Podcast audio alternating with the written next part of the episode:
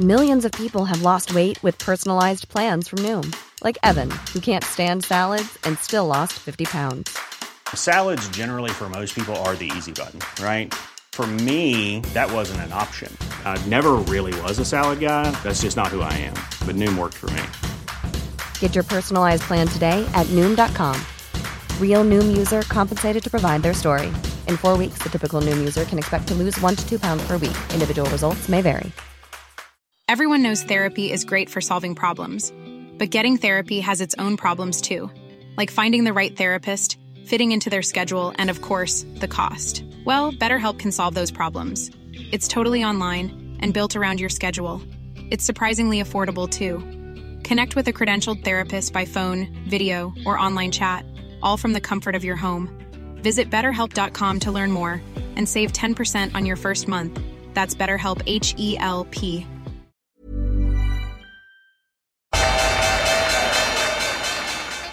They mistook leverage for genius. Leverage for genius. I would recommend Japan. The governments don't rule the world. Goldman Sachs rules the world.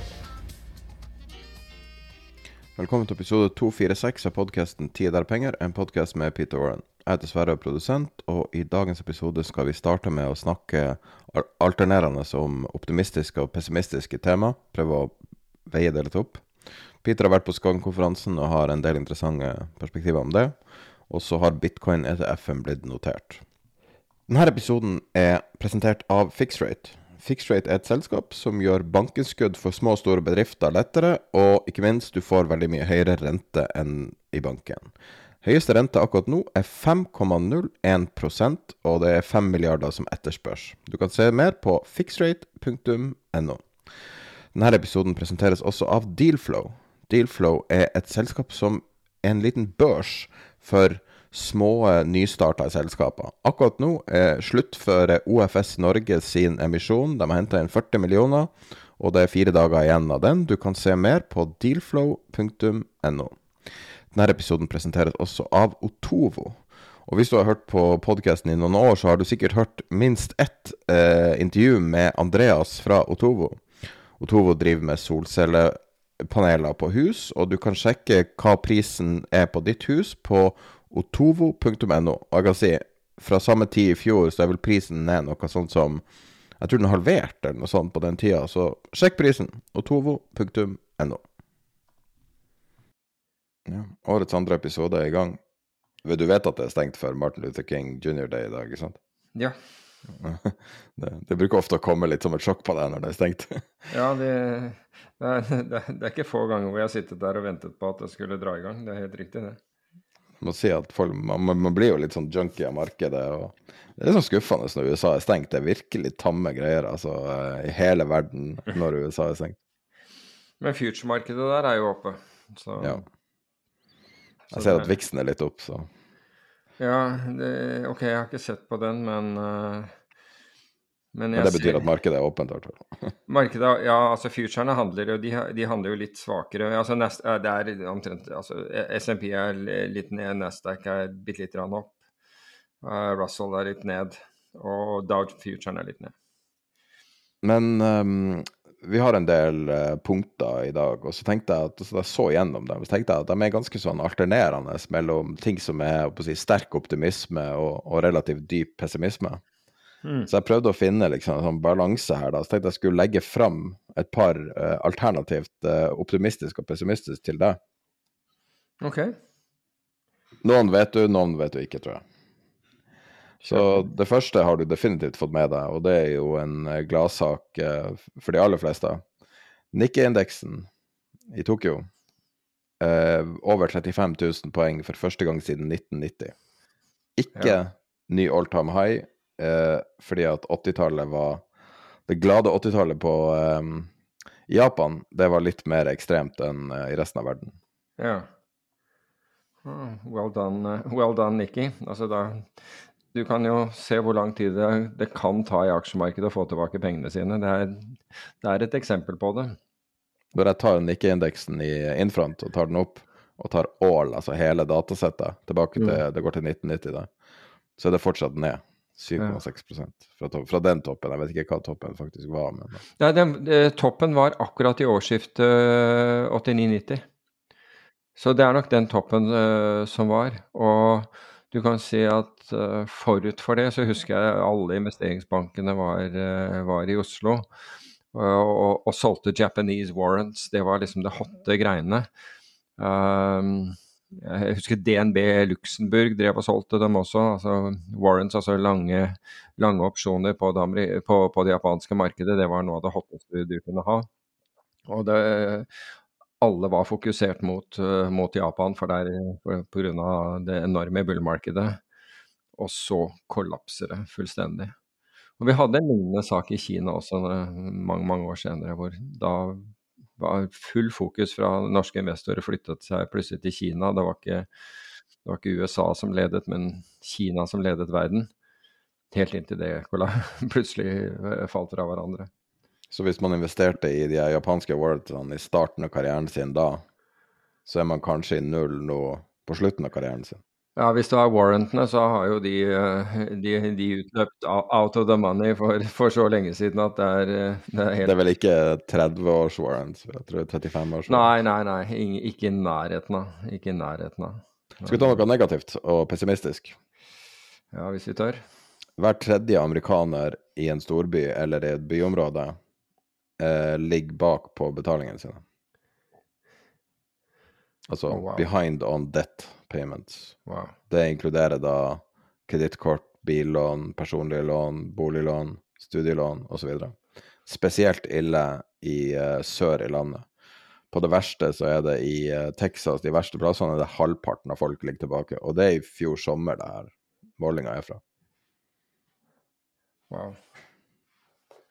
Det, ja, det er pessimistisk, det er jeg helt enig. Men samtidig så, så har de har rekordmange amerikanere i jobb, og ja, så Ja, nei, det er bare ett datapunkt. Ja da. Men det er et veldig, veldig positivt datapunkt fra Sverige og Norge, litt avhengig av hvordan du ser det.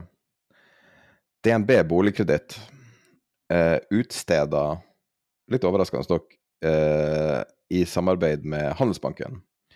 Ikke, ikke DNB Markets, Uh, eller kanskje DNB Markets også, men det var eh, lead var Handelsbanken. En obligasjon på nesten 13 milliarder svenske kroner i forrige uke. Det markedet har våkna.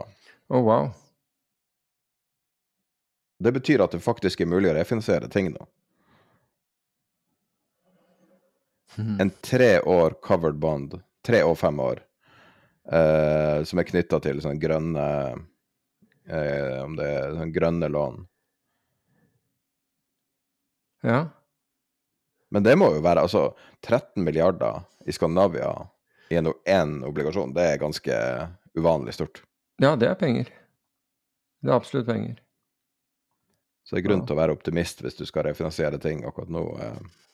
Ja, Problemet er at du, at du eh, refinansierer på veldig veldig høye nivåer, ikke sant. Det er, det er jo det. Så Men det er, det er mulig at, at folk eh, swapper til flytende, da, ikke sant. Altså for, eh, for i, I håp om at rentene skal ned. Jeg vil jo tro at det er en del av det, og det kommer til å påvirke Og hvis mange nok gjør det, så påvirker jo det også rentekurven ganske betraktning. Og så er vi tilbake til noe negativt igjen. Verdensbanken sier at slutten av 2020-årene kommer til å være den verste altså halve tiåret for vekst på 30 år. Oi. Ja.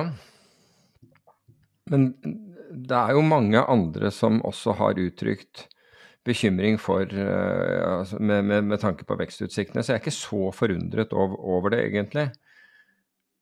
Det er jo stort sett Altså, de som har de, de liksom mest optimistiske vekstutsiktene, det, det er gjerne de som har skin in the game i den retningen, for å si det på den måten. Dessverre.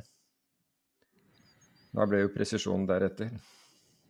Her er en egen refleksjon som jeg tar med som en positiv, som er knytta til kunstig intelligens. Og jeg vet at det er boring å høre om kunstig intelligens. Jeg syns også det er gørr kjedelig å høre om det. Nei, jeg syns det ikke. Så Å, jeg synes det er gørr. Jeg er pisslig av å høre. Men det her er mer en sånn refleksjon, da. På eh, rundt fake news og falske bilder. Nå ble jo NRK lurt eh, i forrige uke av et bilde de publiserte som de trodde var ekte, og det kommer til å skje mer og mer etter eh, Hvis du ser på kvaliteten på det som kan lages. Men det som jeg tror kommer til å skje, og der er igjen min egen vurdering, men er at eh, det at kvaliteten på det øker, gjør at folk slutter å stole på bilder helt blindt, og slutter kanskje å stole på nyheter helt blindt.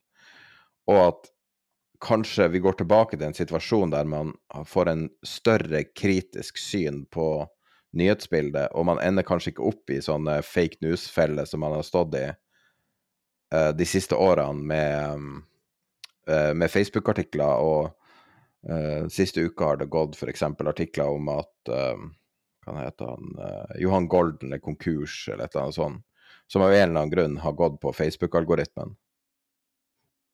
Ja, er, er, han, er, han, konkurs, eller er han ikke konkurs? Nei, absolutt ikke. Okay. Går, NRK skal gå til sak mot ja. uh, Facebook pga. det. Men, men oh, wow. uh, fake news har funka så godt fordi at nyheter har vært å stole på. Og fordi at mm. bildet har vært en troverdig ting. Og hvis du tar bort at bildet ikke lenger er troverdig, så vil kanskje fake news også ryke. Det er min påstand. Ja, jeg hørte jeg hørte apropos på AI, jeg hørte om um, en uh, hva var det? Han var vel professor eller et eller annet sånt, og på de som har sjekket han på professor i et eller annet i, i USA de store universitetene, så, så, så hadde han misbrukt elever og, og, sånne ting. og det var helt, altså Han hadde ingen, verken blitt tiltalt, dømt eller noe annet for, for, for noe slikt. Sånt er skremmende, syns jeg. Ja, men hvis du tenker deg da at folk faktisk lærer seg til å ikke stole på alt de finner på internett, ja, ja. og det tror jeg kan bli en konsekvens av at det er veldig mye fake på internett fordi at det er så lett å lage det. Du sier at eh, ja, at det vil bidra til, til uh, kritisk tenking. Ja. ja, det håper jeg virkelig. Det håper jeg, fordi det, altså så langt så syns jeg at jeg har observert uh, det motsatte. Jeg syns i hvert fall det er en litt sånn optimistisk syn på forfalskninger. Hvis forfalskninger ikke lenger stoles på, så mister de jo all verdi. Ja, det er klart. Og da vil de ikke gå inn i algoritmene og alt, fordi mm. at folk bryr seg ikke. Folk får ikke den intuitive reaksjonen på det. Nei, godt poeng. Jeg håper, jeg håper du har rett, for jeg, jeg, jeg syns at, uh, at men, men, det har med Jeg vet ikke om du om jeg kan skylde på skylde på, på, AI eller KI eller noe sånt for dette, men, men jeg syns at det er, det er, så mye altså Ta f.eks. Uh, YouTube. Og også hvordan disse algoritmene virker ikke sant, i forhold til hva du ser på, så får du mer av det og mer av det og mer av det. Så hvis du ved, annen, ved et eller annet tilfelle uh, søker opp et eller annet La oss si at det er konflikten i Rødehavet eller noe sånt noe, og du gjør det fra en, eh, en ikke troverdig kilde, så kommer det til å bli påpøst eh, lignende, lignende, synspunkter deretter. Det er, jeg syns jo det er skremmende. Eh, en negativ ting. Eh, det her er jo noe som har ligget i bakgrunnen lenge, men jeg har ikke sett noen påpeke det. Vi påpekte det på fredagen i det, den oppsummeringa av research jeg sender ut. Banker har enormt med urealiserte tap.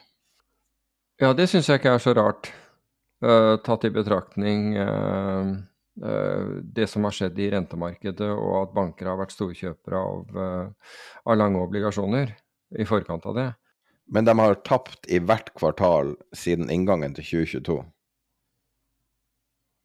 I hundrevis av milliarder dollar. Oh, wow. Urealiserte tap. Men det du, det du, ser jo, er jo Altså, banker tidligere hadde jo noen av de beste traderne der ute, eller var det man, man oppfattet. Altså fordi bankers dealing, dealingrom var, jo som store hedgefond eh, i, i, dag. Med, hvor man handlet alle mulige aktive klasser. Og så ble det slutt på det etter, etter, etter 2008. Men det du har igjen, det er jo, det er jo uh, the carry trade. Låne kort, plassere langt, ikke sant. Og det betinger at du låner kort og billig, og så plasserte du langt og dyrt. Altså med andre ord at det, det du lånte inn til, det, det, var en mye lavere rente enn den du plasserte eh, penger til, som var det ofte i uh, obligasjoner, langt ut i 10-15 års obligasjoner. Men da du fikk den voldsomme inverteringen av, um, av yield-kurven, så gikk jo rente, unnskyld, korte renter i taket, ikke sant, fordi man satte opp renten.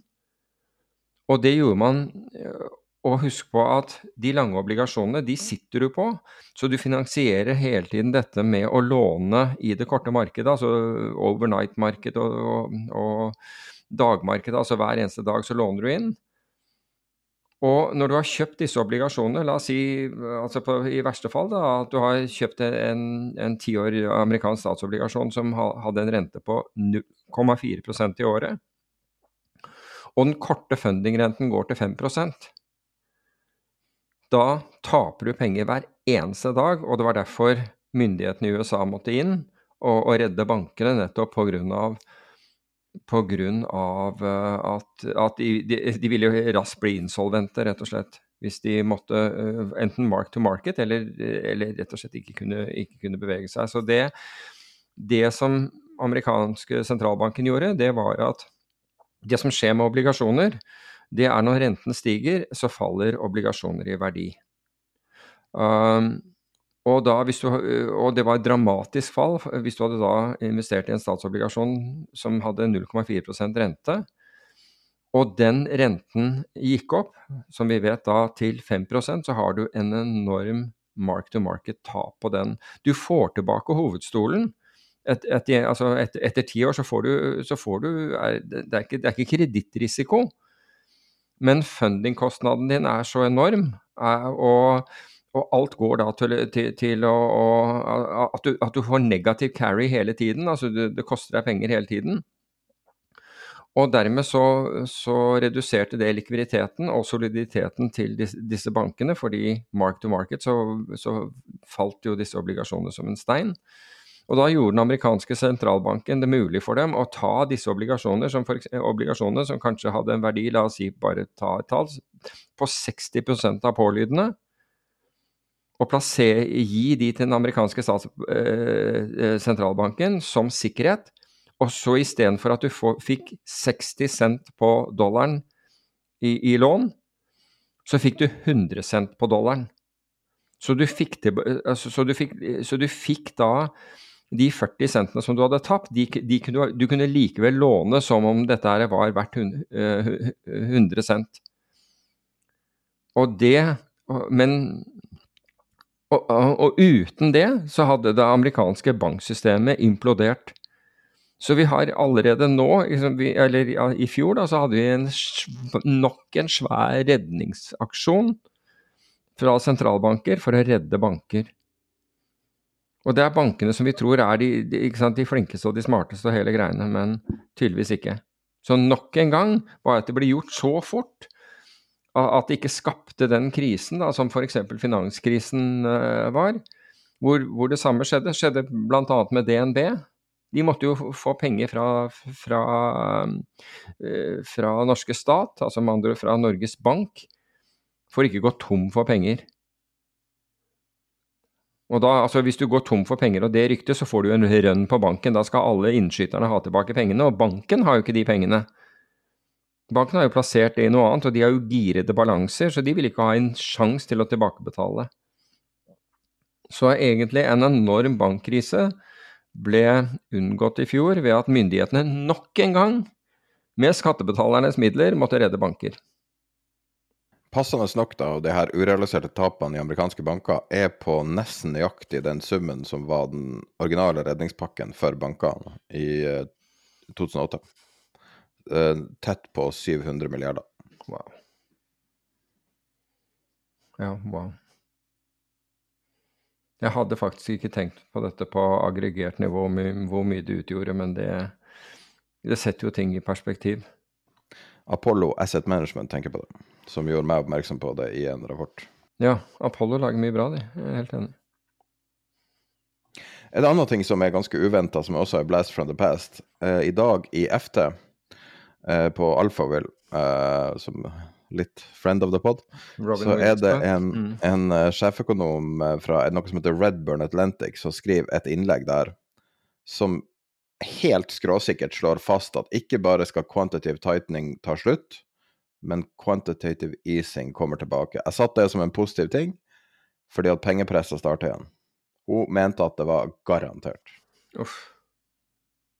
Eh, Altså at, eh, at QT, altså quantitative tightening, altså kvantitative innstramminger, med andre ord at den amerikanske sentralbanken har, eh, dumper da de obligasjonene, en del av de obligasjonene, ord, som de kjøpte for å, få til, for å få til den kvantitative lettelsene, nemlig når de kjøper obligasjoner, og stiger obligasjoner i verdi og presser renten ned. Det var hele opplegget. Men det gjør jo at, at Finansdepartementet i USA sitter på en enorm mengde statsobligasjoner, i og med at de har gått og kjøpt sine egne statsobligasjoner en masse. Og kvantitativ innstramming vil si at de, eh, vil, altså de nøytraliserer ved, ved, å, ved å, å selge ut dette, fordi intensjonen er ikke for den amerikanske stat å låne penger av seg selv.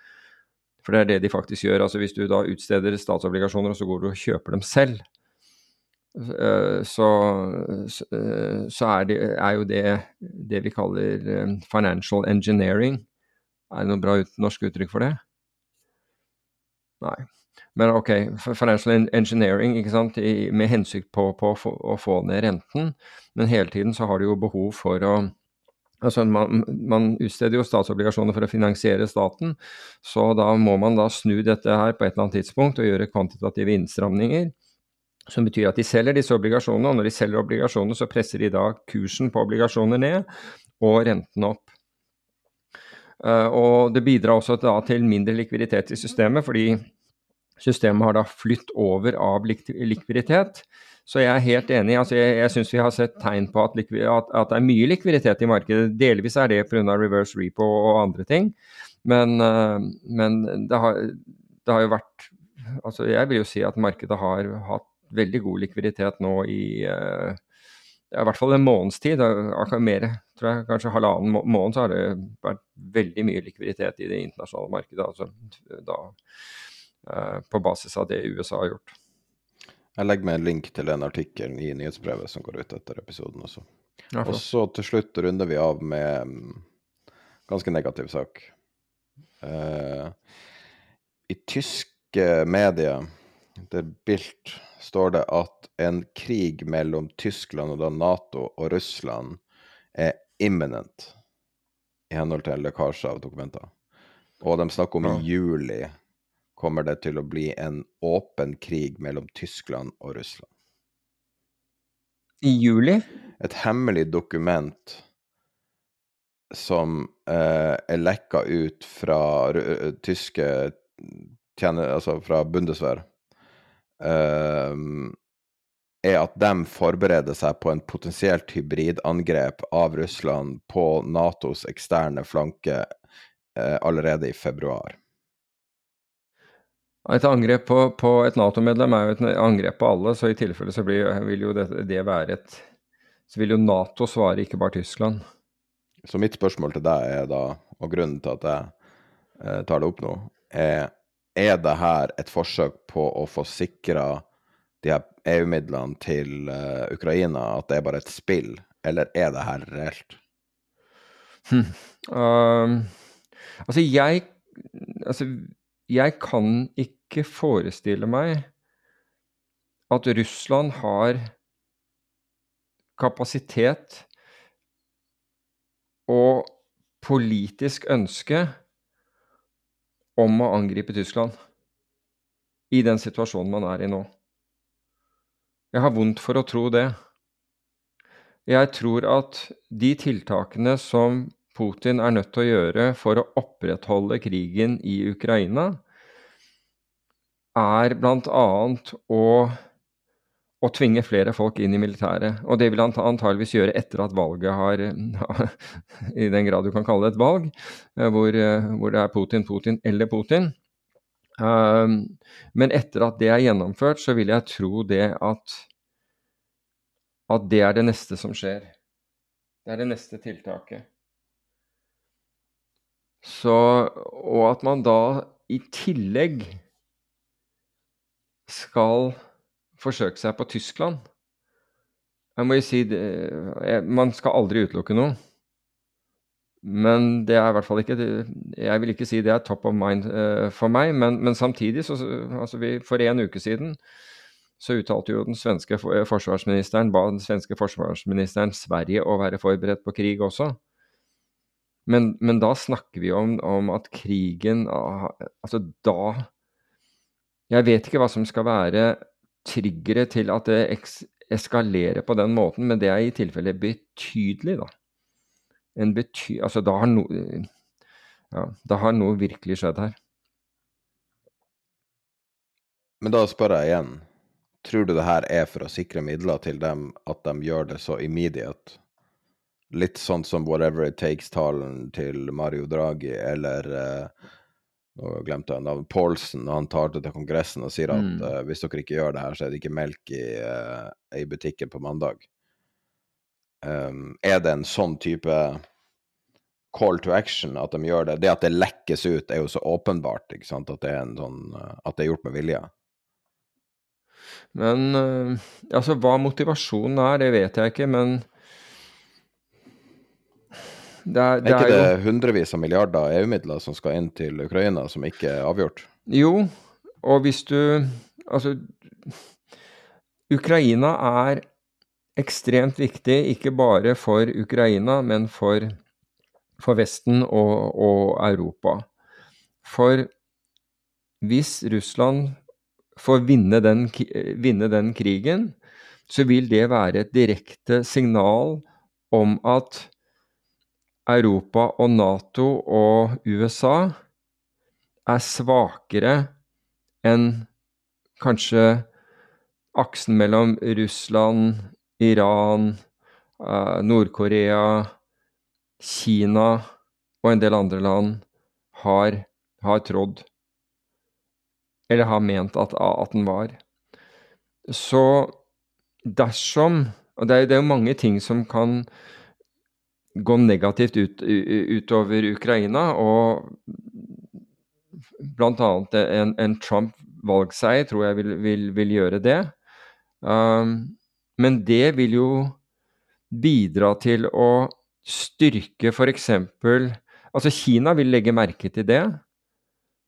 Og Kina vil da tenke Altså og at um, The Western Resolve, hva heter det, altså vestlige lands besluttsomhet, er vikende og kanskje svak. Og det alene kan resultere i at Kina gjør noe langt mer aggressivt vis-à-vis Taiwan, f.eks.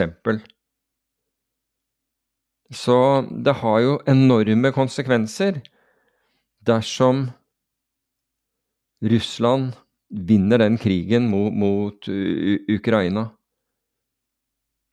Og det, igjen, altså Vi er i, i Norge hvor, hvor det er liksom blå himmel, snø på bakken, alt er greit, det er fred og, og alt er Alt er rolig. Og vi kan rett og slett ikke se for oss Vi har en sånn kognitiv blokkering mot å se for oss at, at, at vår tilværelse er, er, truet.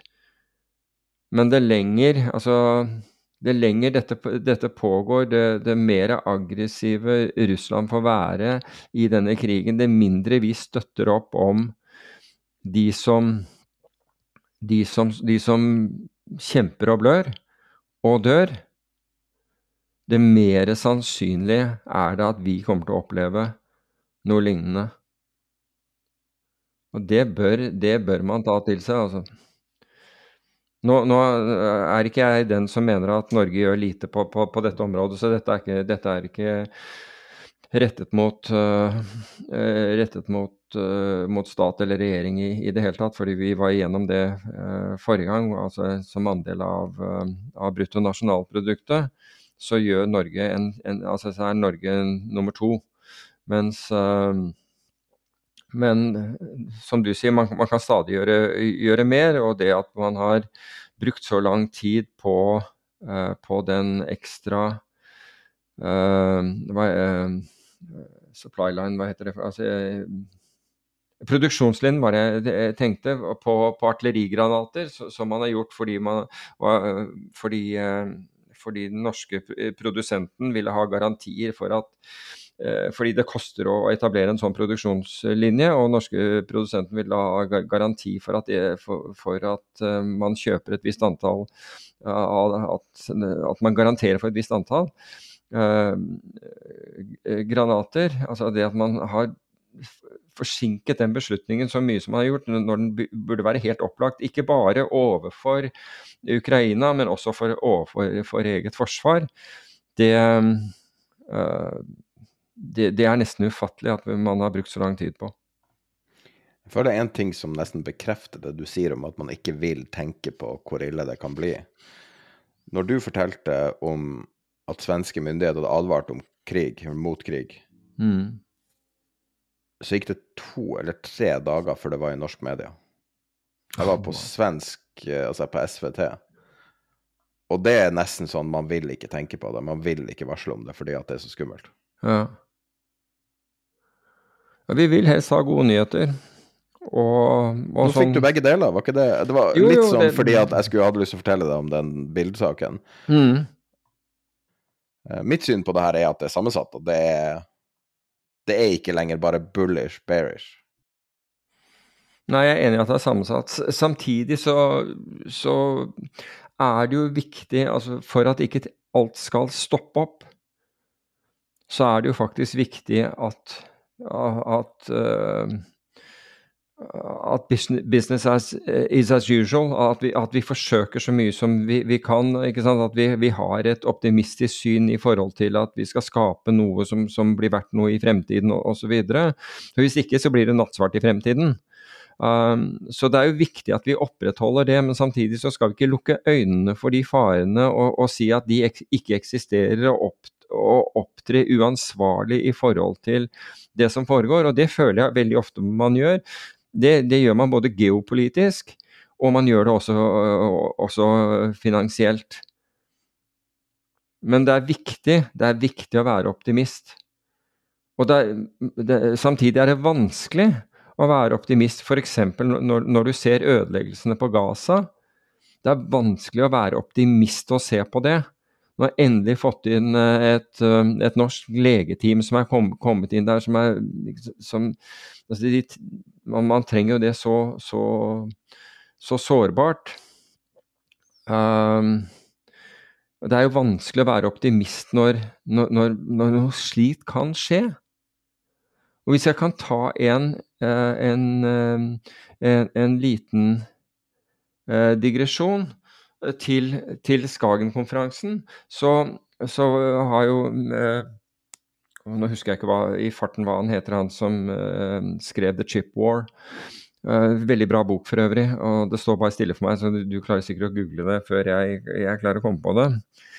Men, men han, holdt, han, holdt, foredrag, og fortalte bl.a.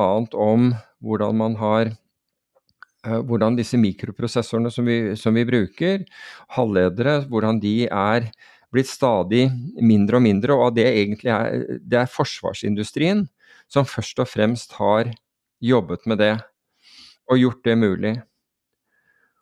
Og hvordan vi i dag er i, er i en altså, Og nettopp fordi uh, man har klart å, å, å krympe de, disse til, til, så små Poenget hans var at det, dette Chris Miller heter han. Og, av og til det er helt håpløst her.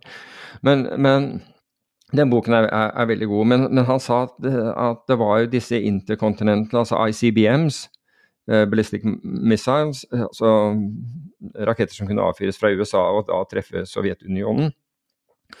Uh, hvor man, hvor man tenk, trengte å få disse halvlederne til å bli mindre og mindre, slik at de, de hadde faktisk Eh, all denne elektronikken i, i nesen på, på missilen.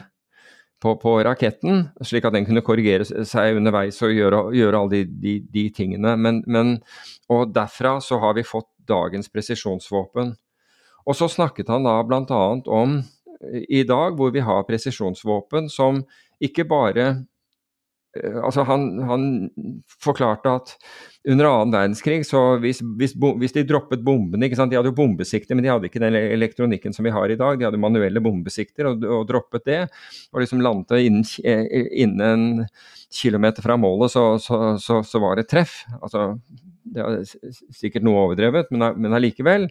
Mens i dag så er, ikke, så er det ikke, om du treffer bygningen så, som Altså om du befinner deg i Middelhavet og avfyrer en, eh, en, en rakett, er det f.eks. mot Bagdad, da, som var, var tilfellet da, da, krigen herjet der, så var det ikke om du traff bygningen, men hvilket vindu. Altså du, du kunne bestemme. Og nå er alt blitt så presist at du treffer akkurat det du vil. Og så ser du bilder fra Dresden under annen verdenskrig som de allierte bombet til ruiner. Og så ser du bilder fra Gaza, og så kan du ikke se forskjell på disse to. Men forskjellen er, er angivelig at i dag finnes det så presisjonsammunisjon. Altså hvis du har den enorme presisjonen, hvordan kan disse to se helt Altså hvordan kan begge deler være i totalt ruiner? Når du har da presisjon til å sende den gjennom det vinduet i en bygning som, som du ville. Og her er altså du, det, det, er ingen forskjell. Så han snakka kun om militærbruk, fordi at Nei, han snakket ikke kun om militærbruk, men han sa at det var, det, var militære behov som hadde fremmet øh, veldig mye av forskningen og innovasjonen. Det var poenget hans. Altså Det er jo superinteressant med, med halvledere. Mm. Og den eh, ekstremt viktige geopolitiske krafta den har blitt. Og det er jo ikke helt tilfeldig at Kina har alt fokuset sitt på Taiwan, som er hjemlandet til TSMC og til en viss grad til Nvidia. To av de viktigste selskapene i verden for tida. TSMC er det selskapet som produserer mm. Eh, jeg tror de produserer noe sånt som 15 millioner sånne store wafere i året. Uh, som er helt enorme mengder. Og det er så vanvittig komplisert å starte opp et sånt business. Du kan ikke gjøre det hvis du ikke vil. Men nå har Kina tydeligvis greid noe med det. Så de har jo hatt store fremskritt på det helt på slutten av året. Uh, men det er, jo, uh, det er, jo, en skikkelig økonomisk krig som slåss om de her chipene. Hva han tror kommer til å bli utfallet av det? Nei, han snakket ikke så, så mye om det, men akkurat det du snakker om Uh, altså nå, nå, handler det jo om å få tak i de ressursene og få, få eid de ressursene. Og USA gjør jo sitt for at da eh, bl.a. Uh, Nvidia-chipen ikke er lov å eksportere til Kina osv. Så, videre. så det er jo en handelskrig og, i, i, ja, som egentlig er en forsvarskrig òg, da. Uh, I gang der. Og Eh, dette ble også tatt opp i, i den, den, geopolitiske uh, ses, sesjonen der, hvor, hvor, hun som holdt foredraget, hun var kinesisk. Og hun sier at en av de største feilen, feilene som Vesten gjør Hun var kinesisk, men utdannet i USA og, og, og bodde i USA. var at man, man ser på Kina gjennom vestlige, altså med, med, vestlige øyne. Altså Kina fungerer på en annen måte, det er et annet tankesett. Men vi forsøker å, å, å, tolke dem med, med, med, Vestens briller, da. Og det kan være altså for, for Kina, som da blir avskåret, f.eks., som da blir avskåret fra teknologisk utvikling så, øh, fordi USA ikke ønsker at f.eks. Nvidia eh, eksporterer til dem, eller øh, og, og, det bidrar jo også til øh, konflikten med Taiwan. Hvor Kina mener at de har det, og, og tross alt Taiwan er en storprodusent av, av, av chipper, av, av data, datachipper, altså halvledere. Så det, det er klart at du kan se dette argumentet fra begge sider. Og når Altså, hvis det var slik at at uh, uh, Ta for eksempel, la, la, oss si at Taiwan var Bermuda, da, altså ikke så altfor langt fra, fra amerikanske østkysten. Og der befant det seg en, en, fabrikk, for øvrig, hun nevnte ikke dette eksempelet, det er mer jeg som forsøker å illustrere. Uh, på Bermuda befinner det seg en bedrift som lager helt unike halvledere, eller der lager de bedre halvledere eller flere halvledere eller hva som helst, uh, enn noe annet sted i verden. Og Kina sier til USA at dere altså, hold dere unna denne øya så ville sannsynligvis USA reagert på samme måten som det eh, Kina gjør når, når, når USA sier at, at, de vil forsvare Taiwan og ligge unna, eh, ligge unna Taiwan. Um, jeg, kan begge, jeg, kan se begge, argumentene, helt klart, bare så, så det er sagt. Men det, dette, er en, dette er jo en teknologisk krig som, som, som finner sted. og og den, den, har jo bare tilspisset seg med den polariseringen vi har fått av, av verden. Jeg hørte en gang en kommentar, bare et slengkommentar i et intervju, som jeg syntes var ganske beskrivende, der det var noen som skulle prøve å forstå kinesisk kultur, og hvordan man Det var knytta til et nytt regelverk som kom for ca. et år siden. Det var flere sånne veldig eh, ekstreme regler som ble innført. Og en av de reglene var at det var ikke lov å vise feminine menn på TV. Uh, og det var ikke lov å spille mer enn så og så mange timer dataspill i uka og sånn, sånn type ting. Og, og, så helt vanvittige regler å komme med ikke sant, fra en stat. Og, så, og da var argumentet til han eksperten sa at uh, kinesiske myndigheter vil ikke at kinesiske selskaper skal bruke tida på f.eks. triviell eh, utvikling av dataspill eller noe annet som ikke har noe betydning. De vil at alle skal sitte og, og jobbe med halvledere. Hmm. Og det tror jeg er ganske sånn oppsummerende her, hvor front of mind halvledere er i Xi Jinping sin prioritering i løpet av en dag. Men jeg tror, jeg tror for veldig mange i USA så er det front of mind også, for å være helt ærlig. Um, og det fra våpenindustrien til det politiske til, til, til, mange andre, altså hele Silicon Valley, så tror jeg at uh, Og spesielt Nesten ingen produkter kan lages uten det. Nettopp. Og det kan være produkter som blir utvikla i 1998 mm. på 150 uh, nanometer. Mm. Men du trenger den chipen for å lage den hårføneren eller hva det er for noe. Og hvis du begynner å se rundt i rommet der du sitter nå, og bare se på all elektronikk som er rundt deg, og tenke hva hvis alt det her stopper?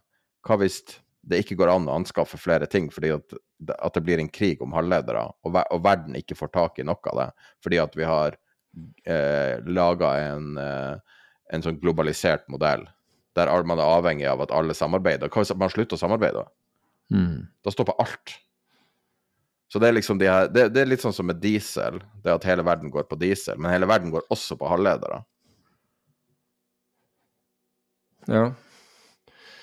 Apropos, apropos det med, med, diesel, så du for øvrig um, og Det hadde ikke noe med diesel å gjøre, for så vidt, men, men det var Hertz som, som, skulle kvitte seg med Var det en tredjedel av, av uh, flåten av elektriske biler? Eh, jeg tror det er alle elektriske biler. 20 000 biler. Men de hadde Her sier en, en, en, tredjedel at de skal kvitte seg med en tredjedel som de har, da. Og det er due to weak demand and high repair cost. Men det er jo også altså det er muligens at en tredjedel fordi de hadde jo annonsert i 2021 at de skulle bestille 100 000 Tesla, f.eks. Mm. Og nå hadde de da 20 000 nå. Og det skal dumpes ut i markedet. Ja. Det, nett, ja, det er helt riktig, fordi det var, var Tesla dette her eh, Det er 80 altså de, Tesla de er med i, da. Ja, så. helt riktig. Det er, det er, uh, altså de skal dumpe ut 20 000 biler. Eh, elbiler. Og det er akkurat det, det tidspunktet hvor, hvor, regjeringen her fant ut at nei, hvis bilen kostet mer enn så skulle man skru opp avgifter. Altså, og du ser det der at folk har problemer med å kvitte seg med elbiler i Norge, og det tar lang tid mens, det, mens og hvis du ønsker å selge en, eh, en eh, fossildrevet bil, så, så, er det kjøpere kjapt. Det er jo uh... Jeg er veldig overraska over den store endringa bort bort fra elbiler. Det kom litt sånn plums på. Der ja, ja. du ser alle produsentene på jorda har sagt liksom vi skal gå full elbil. Og så har det kommet litt sånn noen få hint i retning av at f.eks. Hundai og, og, kanskje Toyota også går tilbake mot, uh, mot hydrogen, som er en uventa vending. Og, og, så kommer det her noe veldig uventa, fordi at alt går jo i retning av bort fra bensinbil, bort fra diesel. Ja, men samtidig så er er det, så er det, det som Det starter, og det går langt, og, og det fins flere bensinstasjoner altså Man skal ikke klage, klage over muligheten til å, å, lade i Norge nå, for jeg føler jo at den begynner å bli veldig mye bedre. Men samtidig som at man økte avgiftene, så sender man eh, strømprisene til himmels. Altså To ting på en gang. Det, er jo ikke sånn at folk Tidligere så var det jo, kjøpte jo folk elbil. Altså jeg jeg syns man gjorde veldig mye riktig for å få til adopsjon av elbiler i Norge. Jeg synes man det var så riktig og, og, og bra gjort. Og selv om er, Norge er et, kan være et krevende land både klimamessig og topografisk for elbiler, um, så syns jeg at man, har fantastisk innsatt. Og akkurat idet det den er virkelig i ferd med å lykkes for alvor, så spenner man bein på den. Det, altså, det gir jo ingen mening. Og da går, da går, det liksom på Nei, hvis den er finere enn det, nei, da skal du betale. Da, da, skal du betale masse avgifter, fordi folk skal ikke ha fine elbiler. Ja, tilbake til det derre Hvor mange kjøpte elbil når det så ut som en, en telefonkiosk med fire hjul, da? Ikke mange er svaret på det. Så Nei, jeg vet ikke. Jeg syns ikke, ikke, den politikken, altså den, der, den, endringen der virket akkurat i, akkurat i det, det, løpet hvor, uh, hvor, det å lade elbilen din blir eh, ti ganger så dyrt. Jeg bare skjønner ikke hvor, hvor man vil. Altså, og så har du den derre andre Det var vel en artikkel om det i dag, hvor dyre boliger liksom det, de er veldig vanskelig å selge, og, og du får lavere pris på det. Og så tenker jeg ok, du får lavere og, og, samtidig med det så har man økt eiendomsskatten og økt, og økt formuesskatten. Og det er greit at da Det betyr at du trekker inn eh, du trekker inn kjøpekraft. altså Du trekker da altså Folk sparepenger mindre sparepenger. Med andre staten tar en større andel av, av pengene dine. Men ingen av de tiltakene der gjør at det blir, at det blir bedre for fattige. Det er ikke sånn at Altså, formuen til, altså formuesverdien, eller ikke formuesverdien, fordi den, den, den settes som en takst av, av, eiendom, men den reelle verdien på eiendommen din faller. Men du har fått passkontor på, uh, på Skjervøy, eller hvor det var, der det er 500 innbyggere i Nord-Norge. De har fått nytt passkontor. I stedet for sånn mobilpasskontor som koster en brøkdel av et fast kontor for 500 innbyggere. Fantastisk. Fantastisk. Det, det, altså det, det er bare valgløfter, det er valgflesk. Altså, jeg, jeg, bare forstår ikke liksom prioriteringen av å gjøre det på, det på, på, den måten. Altså, jeg hadde forstått prioriteringen hvis det direkte hadde gått på, på det Altså, du lukker Fantastisk å lukke velstandsgapet med, med at de rikeste angivelig flytter ut, og da er de flyttet ut, så blir jo på en måte den øvre delen av velstandskapet skyflet ned til da de nest rikeste før de flytter ut og osv. Men, men det, det, gjør ingenting for de i bånn. Det er de du vil ha opp. Du må gjerne ha de der, eh, altså du må gjerne ha highflyerne på toppen, men det var å få de som tjente minst og hadde minst, det er jo det du skal forsøke å gjøre, og skryte at du har fått lukket velstandsgapet fordi folk har, har emigrert til, til, til Sveits. Hvilken, hvilken, glede har noen av, av at, at, det blir vesentlig mindre skatteinntekter i Norge? Det, det, det er jo ikke slik da at de, at, at de, at de fattige kan sitte Å, å så fint, nå, nå blir det mer på oss. Uh, nei, nå skal de samme avgiftene og utgiftene fordeles på, på, på, på færre. Det var lurt. Det var ikke det, vet du. Skal vi eh, bytte gir? Yes. Hvor skal vi hen nå?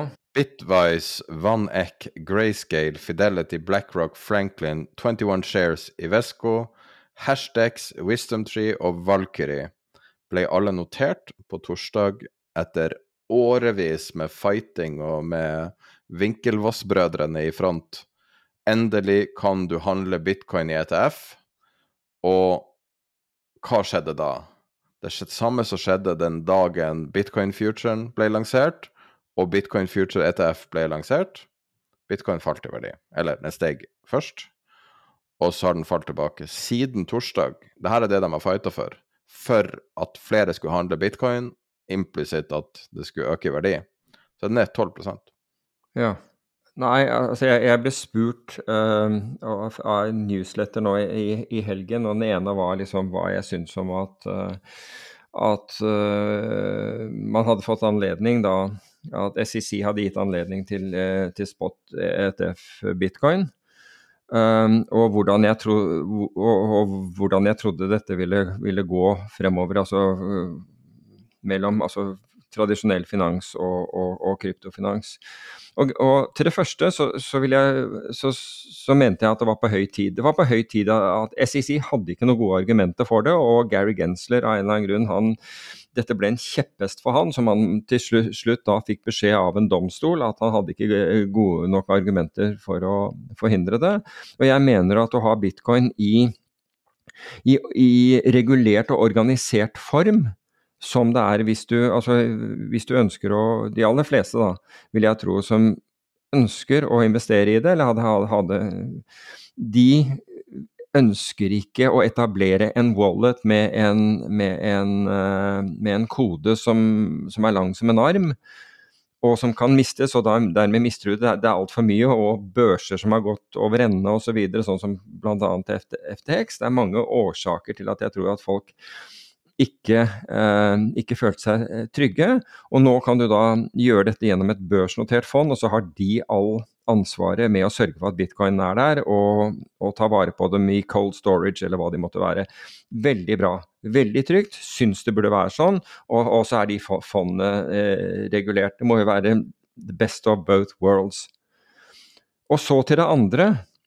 Og det var hva betyr dette nå i fremtiden? Og, og, det har egentlig med Vi snakket sammen den dagen, for jeg, jeg fortalte deg om en sånn strøm som jeg hadde fått på, på, på Hva det heter for noe? X, tidligere Twitter.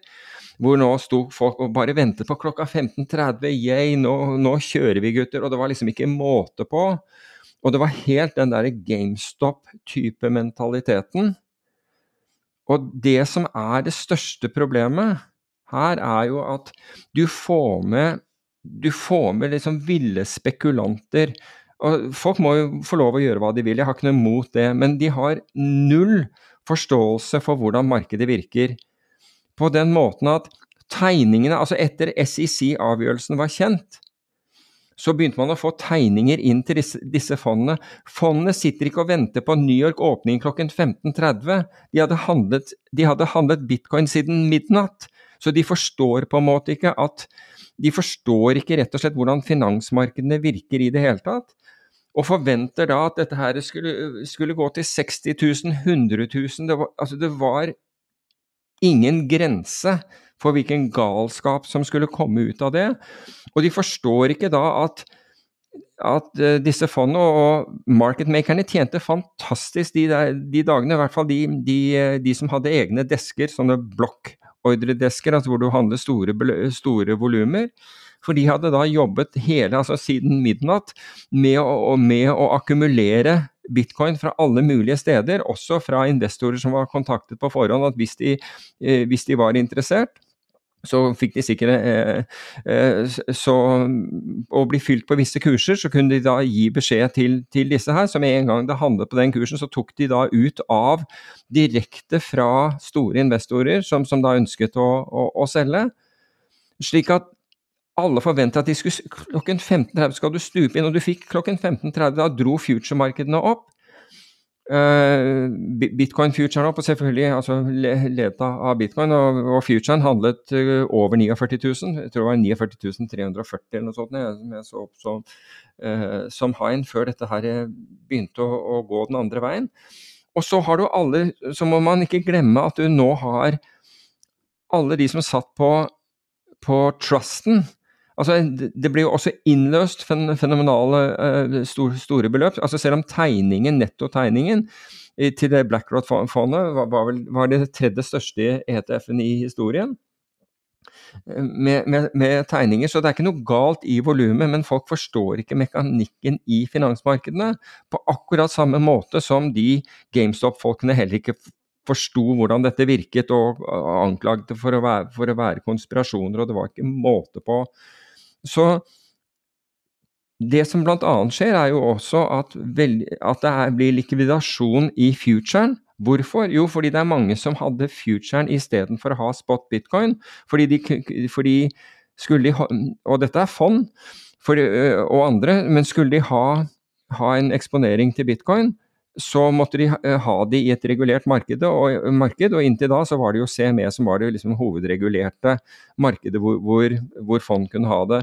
Så de begynte jo å dumpe der, og det gjorde jo at de gærne spekulantene som hadde hivd seg på inni der, de fikk margin calls, og det var rekord med margin calls i bitcoin. Det har aldri vært mer margin calls i bitcoin-futuren den dagen altså hvor, som egentlig skulle være hvor, hvor alt skulle, skulle, til være, som, følge av dette her. Og alt skal da utspinne seg i markedet, fordi det sitter arbitrasjører.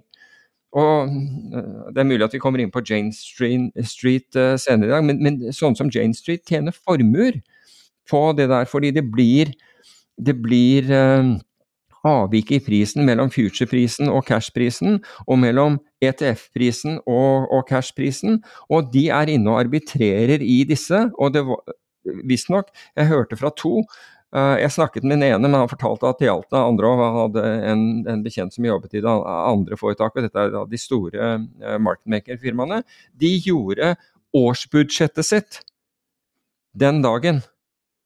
Rett og slett på arbitrasje. Og det er pga. galskapen og at ikke folk vet verdier og vet hvordan de, hvordan de skal tenke på, på, på, disse tingene. Så de ser ikke på hva det er som skjer i markedet. Og tilbake til det spørsmålet som jeg fikk fra det newsletteret. Det andre var hvordan jeg trodde at, at hvordan samkjøringen altså, ville, ville, være mellom finansielle markeder og kryptomarkedene. Altså, poenget er at det denne, denne ville spekulasjonen den ødelegger for prisen. Altså du får liksom kraftige nedganger. Altså, og hvis du får kraftig volatilitet, så får du altså det mer usikkerhet, det mindre bitcoin vil f.eks. et fond kunne ha. La oss si at et, et fond vil, vil, ha bitcoin for 1 eller 2% og bitcoin begynner å svinge helt voldsomt. Så kan det være at de halverer sin allokering til bitcoin, rett og slett for dette svinger for mye. For selv om du har noen få prosent av det, så begynner, begynner du å se det på, på, på bunnlinjen. Så det er mange som helt sikkert vil ha det, men den økte volatiliteten gjør at mm, vent nå litt. Det er lett å, holde, det er, da lett å, å, å, begynne å vente. Hva betyr det i neste omgang? Jo, det betyr at det er mindre Altså, det, det, det er flere overskrifter om dårlige ting rundt dette her. At det ikke fungerer, at markedet er for volatilt, at det er liksom for spekulativt, at folk er for gærne. Alt det der hindrer kapitaltilgangen til forskning og utvikling, og til slutt adopsjon av f.eks. bitcoin.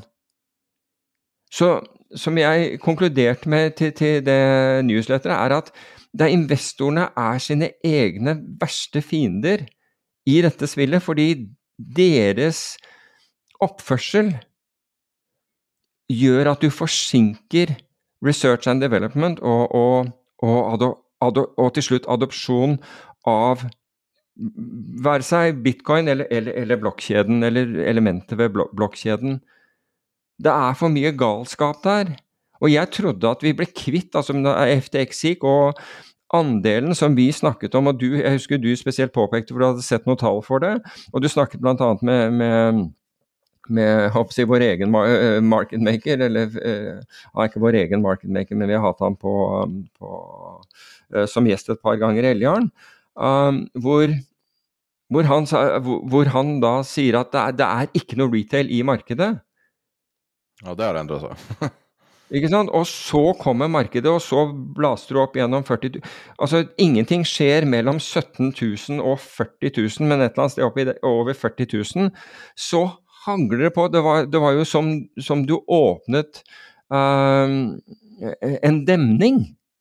Plutselig så rant det inn med retail-spekulanter i markedet. Det var jo et fossefall av spekulanter som plutselig kom inn i markedet, og som begynte med akkurat det samme som du så forut for GameStop. Ville, eh, ville forecast på, på, på, hva som skulle, skulle, skje. Og så mye av den diskursen tyder på at de ikke forstår de underliggende markedene. At du, du bare skjønner at dette kommer til å gå gærent. Dette går galt. Og, jeg, og jeg, eh, da vi snakket sammen eh, den dagen hvor eh, Dagen etter SEC-avgjørelsen, den offisielle, den, den, den som de, de, mente å, å, å, sende ut, så sa, jeg, så, fortal, så sa, jeg, til deg at jeg begynte å svare på At jeg begynte et svar på, på, på, på noen av disse tweetene fordi jeg ble tagget i dem. Jeg hadde begynt på et svar for å forklare at det kommer ikke til å skje. Det, det, dere misforstår hvordan markedene virker. Og særlig rundt dette her 15-30-greiene som er nye. Jeg kan, si, jeg kan si en konkret ting, da. Helt konkret på det du sier. Uh, Scaramucci, Anthony Scaramucci, som uh, jobba for Trump i et kvarter. Uh, han driver Skybidge Capital og har vært involvert i, i denne prosessen mye. Og, uh, og, han mener at det var um, det, det, fallet som kom spesifikt for fredag, uh, var mye uh, trigga av at folk drev og solgte grayscale, som man brukte som en proxy for en krypto-ETF. Men det er, det er jeg enig i. Og de solgte Grayscale hadde volum på 2,3 milliarder dollar på, mm. på torsdag. Og eh, største, største de har hatt noensinne. Og så sier andre nei, men det burde være det samme hvis de selger seg ut av grayscale og kjøper seg inn i et annet instrument mm. med, lavere, med, lavere, kostnader. Ja. Men det kan jo være at folk tar gevinst, som er minst like sannsynlig. Ja altså, ja, altså, det er helt riktig at man solgte ned i grayscale. Altså, det er av to årsaker. ikke sant? Du har vært stuck i grayscale mens det har vært en trust, og så skal da grayscale bli en ETF. Men problemet er at, og du var nettopp inne på det, grayscale har høyere kostnader enn flere av de andre. Så, så, det, så det, er helt riktig at man solgte ned i grayscale. Og, men ikke alt, og som du også er inne på, men mye av de pengene fant nok veien til bl.a. BlackRock og, og, og, andre. Så MicroStrategy er ned 25 på ei uke. Ja, ikke sant? En annen praksis som, som ja. er Coinbase var ned. Ja, ja, mm. veldig Men Coinbase er jo mer legitimt. altså Det er jo en, en børs også. Ja, jeg, jeg er helt enig. Men, men, du så altså kryptoaksjer gikk jo voldsomt i fjor, og de gikk jo mer enn en f.eks. bitcoin eh, gikk i fjor. Um, og i år har vi sett det, det, reversere. Men jeg tenker at en del av den reverseringen er jo også at de som hadde de aksjene, de hadde de aksjene som du er inne på det igjen, uh, en proxy for bitcoin, og nå kunne de kjøpe bitcoin uh, direkte via, via, en ETF, og da slipper de å ta all mulig annen selskapsrisiko. Sånn som du nevner uh, med MicroStrategy og belåningen. Nå, vi, nå, slapp man den, og så da kunne man kjøpe det, det isteden. Så det er, det er, nok noe der. Men, men jeg tror at altså er, Jeg vet at jeg fornærmer mange av, av, um, av liksom the crypto bros her med, med, med å si det. Men, men, hvis dere bare hadde satt dere litt inn i hvordan markeder fungerer, altså bare hvordan, rett og slett nitty-gritty detaljer på hvordan markedet fungerer, så, så hadde dere hatt det mye bedre. Dere kan, må gjerne være super bullish på, på, på, krypto og bitcoin og ha, og ha, de prognosene dere har. og Det kan godt hende at det blir verdt 100 000 dollar i år og 200 000 om neste år. Jeg vet ikke. Jeg vet ikke. Men dere er deres egne verste fiender i at dere ikke forstår hvordan markedene virker. Og, og det betyr også at dere får skuffelser i ansiktet som, som dere helt sikkert ikke forstår hvordan kan skje, men som dere ville forstått, fordi det er ikke komplisert. Det er faktisk ikke komplisert hvordan, liksom, hvordan markedet i seg selv virker. Og nå vil, vil krypto virke mer og mer i, i henhold til hvordan finansmarkeder virker generelt. Blant annet fordi det finnes nå et hav av marketmakere som ser på prisen på bitcoin kontra prisen på, på, på ETF-en, og vil ligge og arbitrere mellom der. Og det, det vil gjøre at hvis de ser at, eh, at, eh, at bitcoin handler høyere, så, eh, så shorter de bitcoin, og så tegner de seg i, eh, i, i fondet og vice versa. Og, så vil de, og, og, de, og hvis det handler lavere, så kjøper de det, og så, så, og, så shorter de fondet. En annen sak er jo hvis du ser på en sånn gammel tommelfingerregel i uh, finans, så er det jo når børser eller meglerhus børsnoterer seg, så er det ofte i nærheten av en topp. Ikke alltid. Ja, altså det, det, det, kan, det kan det være. Ja, kan, det kan også skje. Og, og den grafen du sendte meg i går på, på bitcoin og futuren og, og, og futurefond og, og, den biten der, er, det er jo helt riktig. Altså, du, du kan ikke argumentere med den. Det betyr ikke at det samme skjer nå, men, men det samme er i ferd med å skje nå. Eller har i hvert fall skjedd i liten, i liten grad nå. Men Årsaken til at det skjer, er rett og slett mangel på forståelse for hvordan disse markedene virker. Og det er derfor dere blir skuffet. Men, men du kan si at nett, nett, så skal jo dette være positivt for, for, eh, for, for bitcoin. Hvorfor? Jo, fordi det er mange der ute som kunne tenke seg å ha et lite lodd i dette. Og ha det inkludert som en liten del av, av, en, av en portefølje. Altså Det er mange som sikkert vil ha en stor del av en portefølje, det er ikke det jeg sier, men det er mange som i hvert fall som vil ha en liten del av portefølje fordi, fordi man anser at utfallet er asymmetrisk her. Asymmetrisk med, med, med, med en fetere høyrehale. Med andre ord at sannsynligheten for en mangedobling er større enn sannsynligheten for at det går til null. Men du vet hvor det har vært tilgjengelig i årevis via din tradisjonelle konto? Å trade både bitcoin og masse andre kryptovaluta, også på forskjellige båter. Podcast-sponsor IG. IG var en av de første som hadde krypto tilgjengelig å handle uten å ha en wallet. Mm. Og veldig mange har konto hos IG. Så det er ikke så revolusjonerende dette her, egentlig. Nei, men, men hvis du er et fond, så er det det. Fordi det, det kan godt hende at hvis du er et fond Ja, og fordi det ja, og så har du administrator og alt mulig sånn. ikke sant? Og, hvis du har et fond, så, så har du kredittrisiko, ikke sant. Mens, mens hvis du Black, i, i, hos BlackRock, så er de nødt til å ha ikke sant? Der, der, der må de ha kryptoen.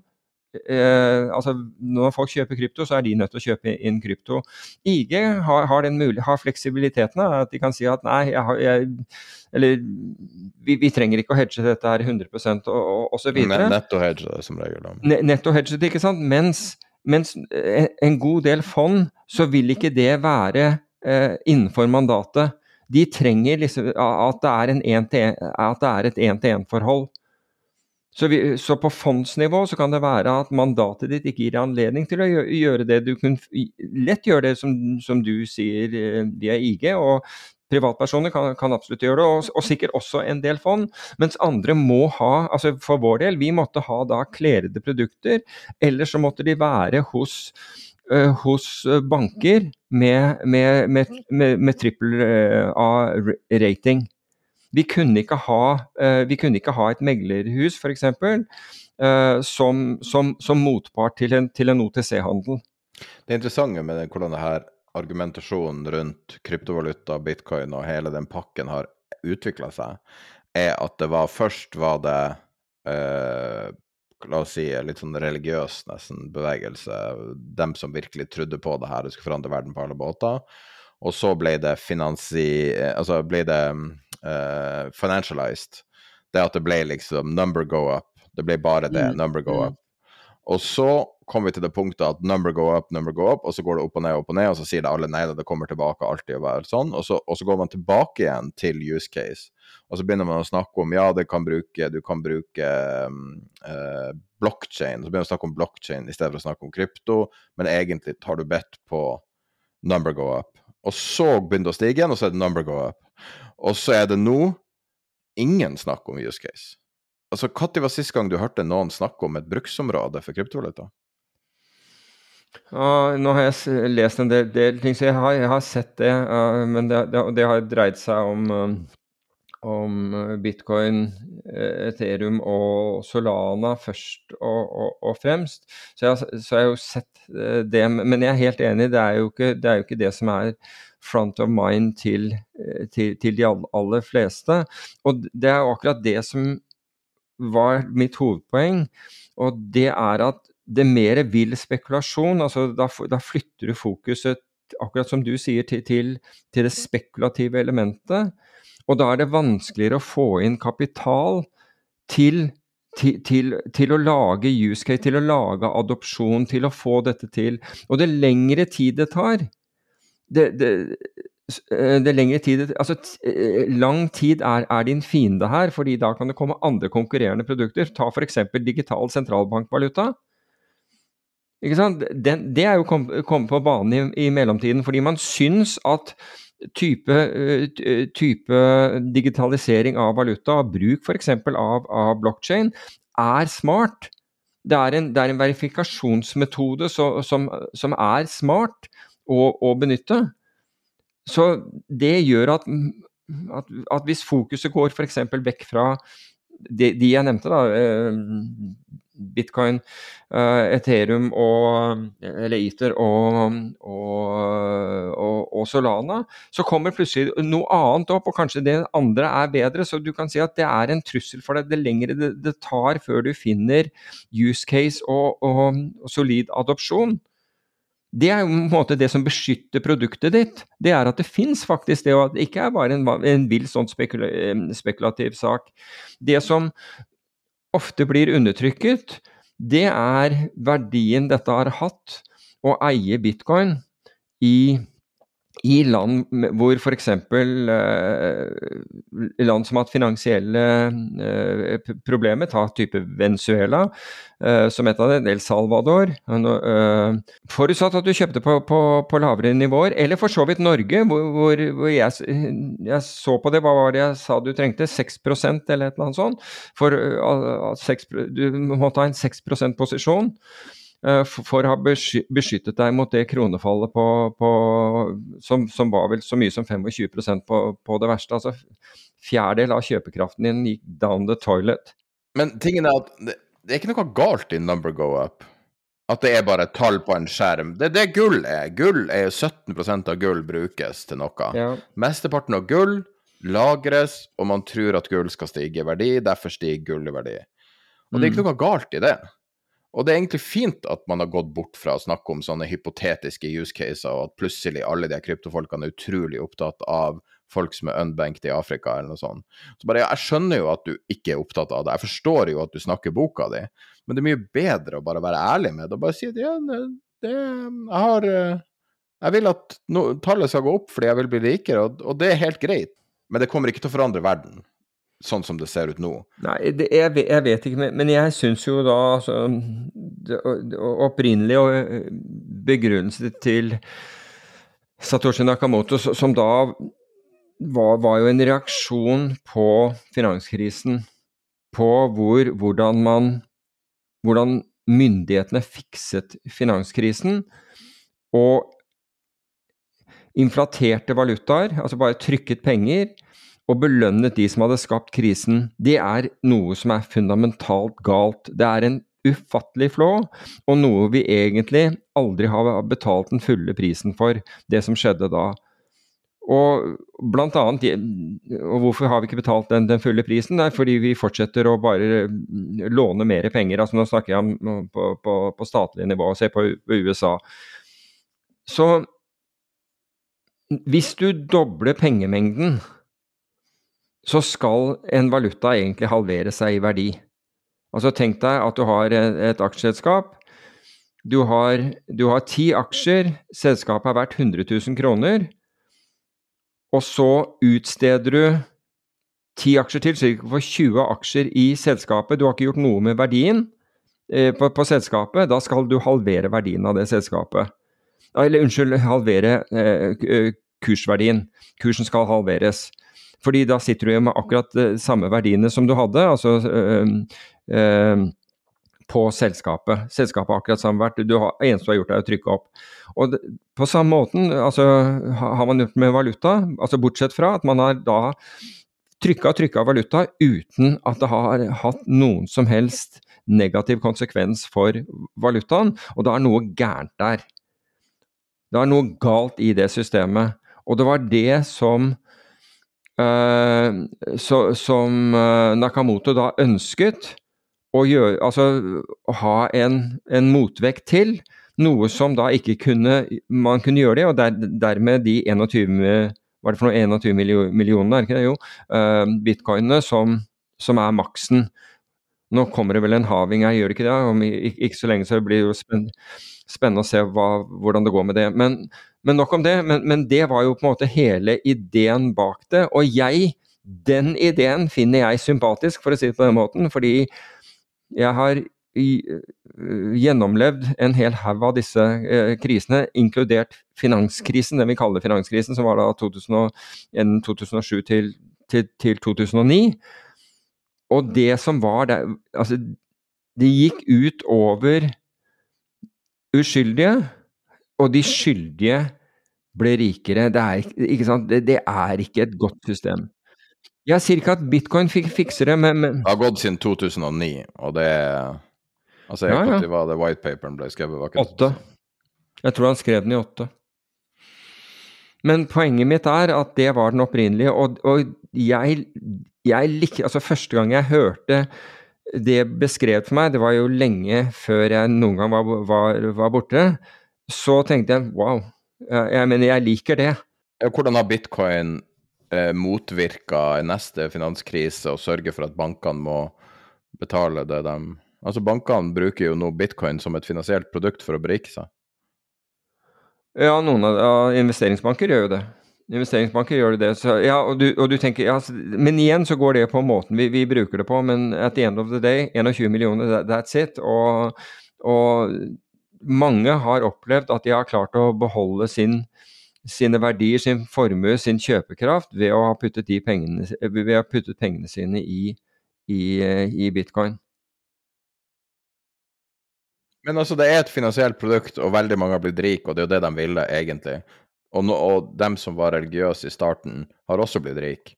Og man har kanskje ikke oppnådd alle tingene, men hvis man klarer å oppnå å bygge velstand, så kan man jo være fornøyd med det også. Altså, Eh, det, er, det trenger man egentlig at alt går inn, hvis man unintentionally får en stor suksess, som det her ubestridelige. Mm, mm. For øvrig, på Skagen-konferansen ble det gjort en sånn uh, uh, meningsmåling. Og, og, hva er det som kommer til å gå best i 2024? Og det var selvfølgelig det var aksjer, og det som skulle gå dårligst, det var, var bitcoin. Men jeg lurer på, hvis du hadde spurt den forsamlingen, er dere klar over at i seks av de siste åtte årene så har bitcoin vært på topp, og aksjer har vært på topp én gang. Jeg tviler sterkt sterk på at, at, folk ville det. Fordi, og, og, dette har jo også noe med hvordan hjernen vår virker. fordi du er, du er jo opplagt aksjeorientert og tenker på aksjer hvis du går på Skagen-konferansen. Men der det er helt vanlig at det som gikk opp i fjor, det skal gå videre opp i år. Det er den der tanken man har. ikke sant, Recency bias. Men her har man ikke vært med på bitcoin. Så har man kanskje ikke fulgt med på bitcoin, så man vet ikke noe om bitcoin, men, man, men allikevel så har man en sterk mening om det. Og det at det skal være det dårligste. Nå, jeg vet ikke om bitcoin kommer til å være det dårligste, for den saks skyld, eller om bitcoin kommer til å slå aksjer. Det eneste jeg vet, er at i, av de siste åtte årene så har det, har det slått aksjer. Eh, så har det vært på topp ikke bare slått aksjer, men vært på topp seks ganger. Hvorpå aksjer Jeg er ikke sikker om aksjer var den der ene gangen. Jeg vet at uh, olje var, var, var et av årene. og Det er mulig at aksjer var Jeg syns ikke det er helt riktig å sammenligne bitcoin med en indeks. Jeg syns det er mer riktig å sammenligne bitcoin med de sterkeste aksjene. Nei, jeg syns bitcoin er en proxy på, på, på en, en indeks, for alt det andre det kommer og går. Sammenlign det med Tesla eller Apple eller en av de vinnerne de siste årene, så har du nok samme eller sammenlignbare returns. Ja, kanskje. Kanskje. Har du sett Apple-graven? Hele greia. Den er, Ja, det er en vertikal linje, nesten. Altså det, Men nå har Microsoft gått forbi, forstår jeg. ja, på Networth, ja. Mm. Eller på Value. Men uh, da er det ferdig. Nå har uh, hunden har fanga bilen. Så er spent på å se hva Det her har jo vært det store temaet i så mange år. og Mm. Ja. Jeg lurer på om det er litt skår i gleden for de her Winkelvoss-brødrene, og at de nå er i en svær rettssak. Og akkurat når det her skjedde, de har jo vært i, stått i front og fighta for det. ja. Det har de virkelig gjort. Det har de virkelig gjort. Jeg så han ene da jeg var i New York en gang. Ja. Det var, det var surrealistisk. Han så, ser ikke ut som et menneske, på en måte. så fløy Trump over meg den gangen også. Fløy han over det? Helikopter, det sto Trump under helikopteret. Ja, ja. Så flirte alle på den turbussen jeg var på. Hva du tror blir å skje i dag, da? Hva du tror blir å skje nå det neste valgåret? Nei. Har du en prediction? Nei, jeg har ikke det, annet enn Nei, jeg har ikke det. Det, det, det bare ø...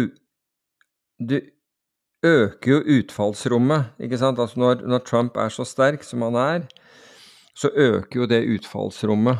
eh, det videre utfallsrom, ikke sant. Fordi han er unpredictable. Og det betyr at det setter Nato i spill, det setter forhold til Europa i spill, det Ukraina um, Definitivt. Altså, det er så mange ting. Vi vet uh, bare, Så er det Strandhagen han, han, Hva var det han skrev om Trump? Jeg tror jeg noterte men jeg vet ikke om jeg klarer å finne det frem.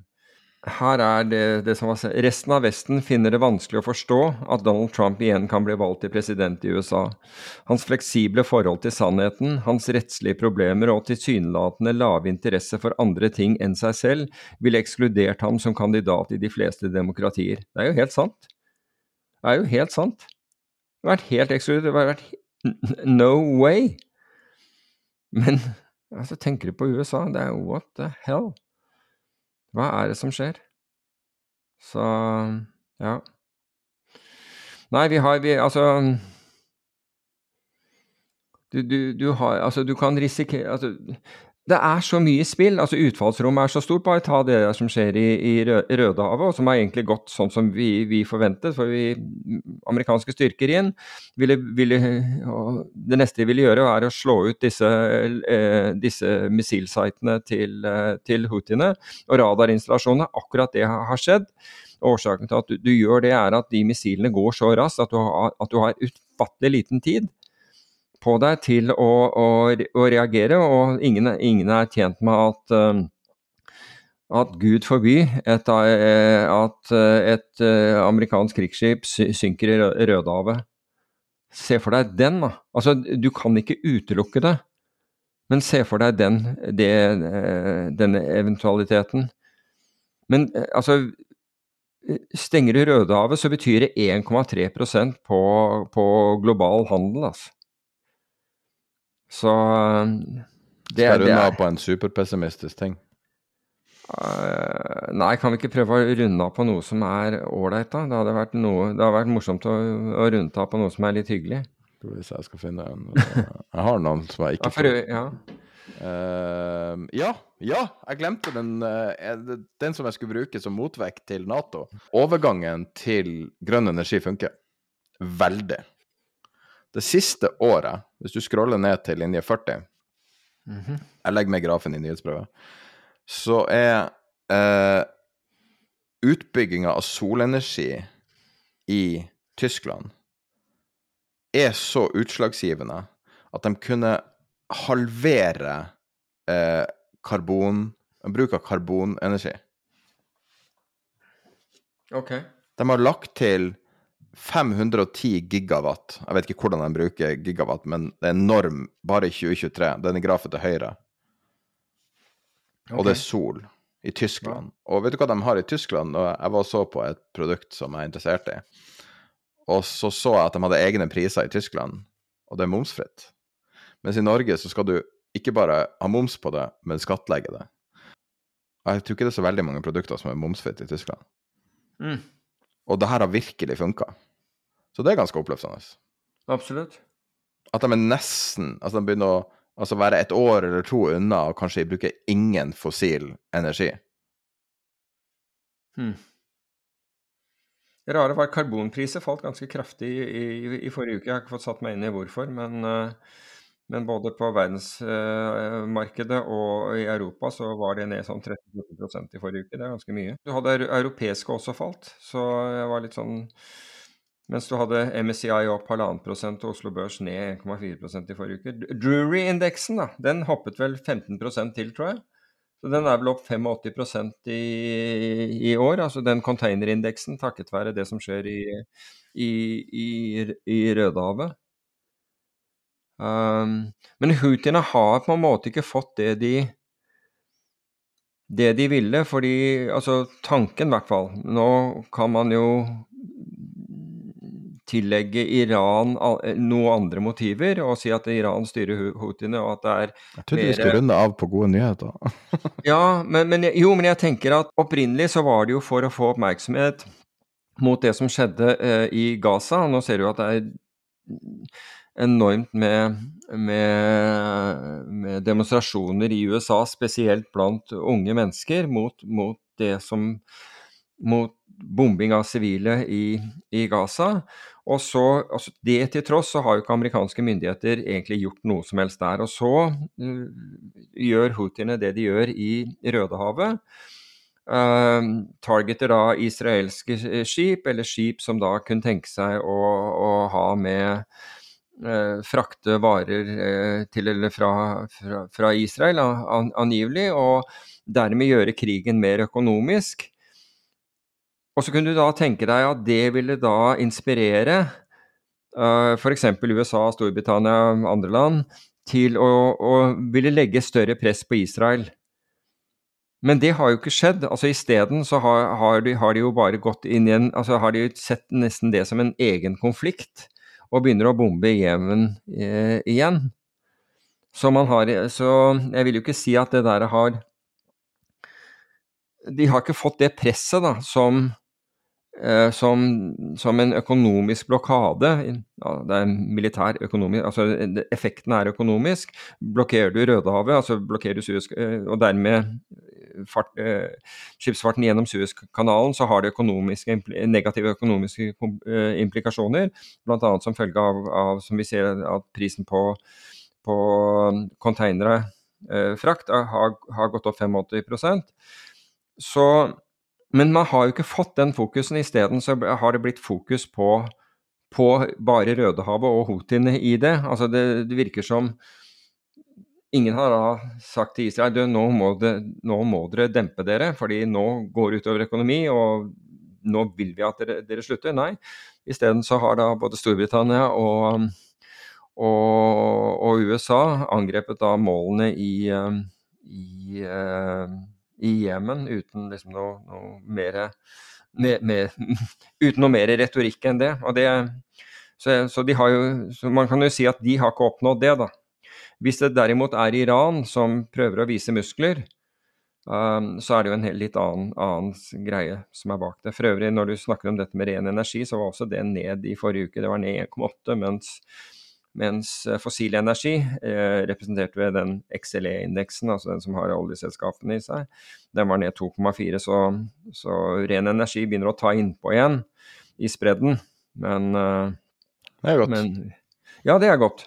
Det er godt. Fint å høre. Jeg liker godt nytt, men det er mye dårlig nytt også der ute. Så jeg følte vi fant en litt balanse i dag, kanskje. Ja, vi, la oss ende på den. Og så, så, så kan jeg heller ta noe mer om Skagen-konferansen i neste, fordi da, det, det, er noe data jeg kunne tenke meg å få derfra. For det var et av de, et av de foredragene som, som begynte som jeg tenkte, i, i det det begynte, jeg tenkte dette blir treigt.